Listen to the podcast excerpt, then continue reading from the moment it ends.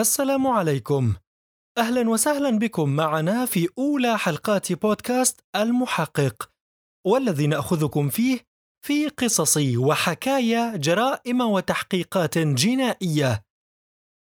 اليوم مع أولى قصصنا التي نرويها لكم بعنوان اختفاء في فندق والتي حصلت في الفندق سيء السمعة لكثرة الجرائم فيه فندق سيسيل في لوس أنجلوس في عام 2013 اليسا لام البالغ عمرها 21 سنة.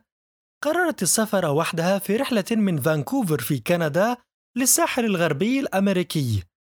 وصلت سان دييغو وقضت أياما هناك وكانت الوجهة الثانية لها لوس أنجلوس وسكنت بعد وصولها في فندق سيسال في وسط المدينة. كانت إليسا تكلم عائلتها يوميا لتطمئنهم عليها ولكن مرت أيام دون اتصال واحد منها. وهنا بلغ أهل شرطة ولاية كاليفورنيا عن احتمالية أنها قد تكون مفقودة أو أصيبت بسوء.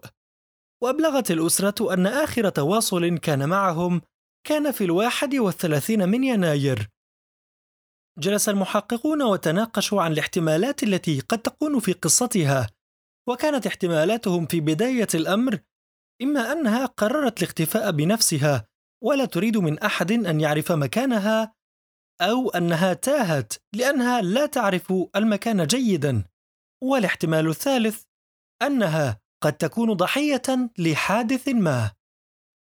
بدأت الشرطة تجمع معلومات من العائلة عن آخر مكان كانت فيه وعرفوا اسم الفندق حيث كانت تنزل. وتوجه المحققون للفندق للبحث عن شهود أو أدلة قد توصلهم للمفقودة.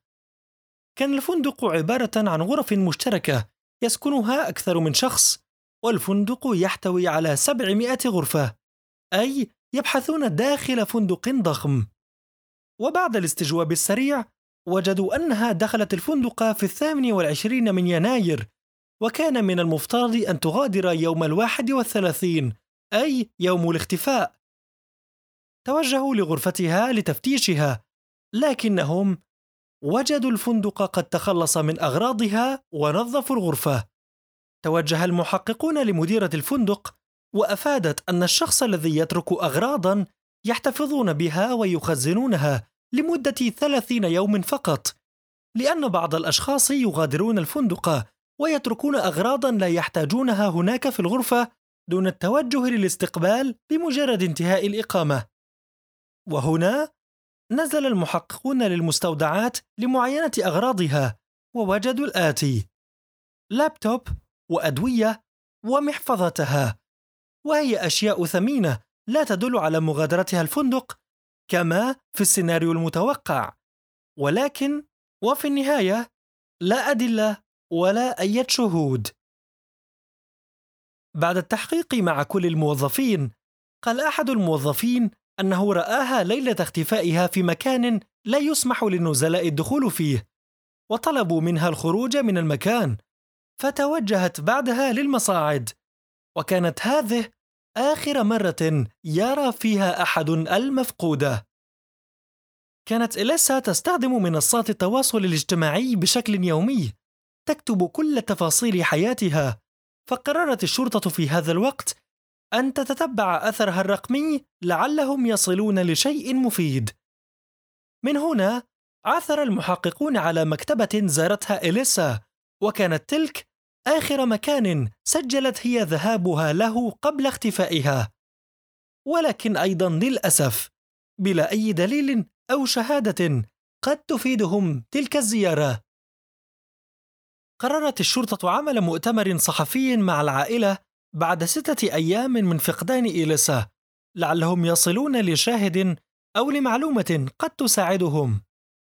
بدأ المحققون يفكرون في مراجعة كاميرات المراقبة والتي بالفعل كانت موجودة فقط في اللوبي وفي المصاعد وفي المنطقة الخارجية للفندق دون أي كاميرات في الأدوار أو الاسطبل. بدأت الشرطة تراجع تسجيلات الفيديو الموجودة، وفجأة ظهر الفيديو الذي حيرهم. الفيديو حيث كانت تدخل فيه إلى إلى المصعد وتضغط الأزرار لكن لم يقفل المصعد هي كانت تتحرك بعدها في زاوية المصعد ثم تخرج ثم تتكلم مع شخص ما لكنه غير ظاهر في الفيديو. كان الأمر في قمة الغرابة. قرر المحقق أن يراجع مخارج الفندق واكتشف أنها لم تخرج من الفندق إلى الآن وتأكد أنها ما تزال موجودة في الفندق. وعلى الفور قرروا تفتيش الفندق تفتيشا دقيقا. طبعا كان الأمر صعبا لأن الفندق كما قلنا فيه أكثر من 700 غرفة. استخدمت الشرطة الكلاب البوليسية التي تتبع الأثر وقادتهم إلى نافذة تطل على درج الطوارئ ليقرروا بعدها تفتيش كامل سطح الفندق. ولكن خيبات الأمل أيضا تستمر. ولأنهم لم يجدوا أي نتائج اقتضى الوضع من إدارة الشرطة أن تقلل عدد المحققين من 18 إلى أربعة فقط في القضية وذلك لوجود قضايا أخرى مهمة قد طرأت في ذلك الوقت. لم يملكوا دليلا غير فيديو المصعد فقررت الشرطة نشر الفيديو على موقع شرطة لوس أنجلوس لعل أحدهم يكتشف شيئا أو يكون قادرا على المساعدة وأثار الفيديو ضجة بعد نشره. واجتهد الناس بالطبع بكثير من التحليلات بعضهم اعتقد وجود شخص يتحكم في المصعد وبين من يقول بوجود شخص في الخارج ضاغط على الزر وهي كانت هاربة منه ولكن في النهاية كل التحليلات دون أي دليل ودون أي شيء ملموس يفيد في مسار القضية. وضحت مديرة الفندق أن المفقودة كانت تشارك مجموعة من البنات غرفة ما، لكنهن تقدمن بشكاوى على سلوكها الغريب، ونقلوها لغرفة خاصة لوحدها. لكن المفاجأة التي غيرت مجرى القضية هنا هي العائلة. العائلة التي لاحظت أن ضغط المياه ضعيف في غرفتهم، والمياه التي تصلهم ملوثة بلون غريب. الأمر الذي دفع موظف الصيانة لتفقد الخزان الرئيسي لاحتمالية وجود انسداد أو أن الخزان فارغ أو به تسريب. صعد عامل الصيانة ورفع غطاء الخزان، وهنا كانت إيلسا غارقة داخلة.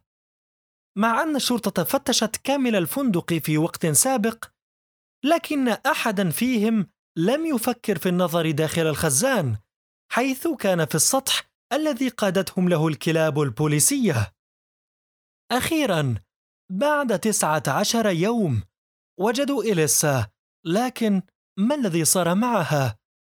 بدأت الأخبار تتداول هل هي مقتولة؟ هل انتحرت؟ وجهت كثير من الاتهامات في وسائل التواصل الاجتماعي لأناس كثر دون أي دليل أو سبب لمجرد تصوير مقاطع في نفس ذلك الوقت في الفندق وكلها اتهامات دون أي دليل. في هذا الوقت كان فريق الطب الشرعي بدأ بتحليل الحالة لكشف سبب الوفاة ولكن النتائج كانت تحتاج لأسابيع للظهور.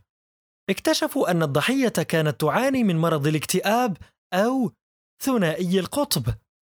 وكان هناك احتمال أنها أخذت جرعة زائدة من الأدوية للانتحار وهو أمر وارد جدا وقتها. فبدأوا البحث في التقارير الأولية التي وصلت ولكنهم فوجئوا أن الضحية لم تأخذ سوى الأدوية الموصوفة لها لمرضها التي تعاني منه بل بالأحرى إن مستويات الأدوية كانت منخفضة والأدوية المتبقية عندها أكثر من الجرعات التي من المفترض أن تتبقى. من الواضح عندهم أنها كانت تقلل من جرعات أدويتها، وهذا وضع المحققين في حيرة أكبر. وصل أخيرا تقرير التشريح الخاص بالطب الشرعي، والذي أفاد بعدم وجود أي إصابات، وأفاد أن سبب الوفاة حادث عرضي بسبب الغرق.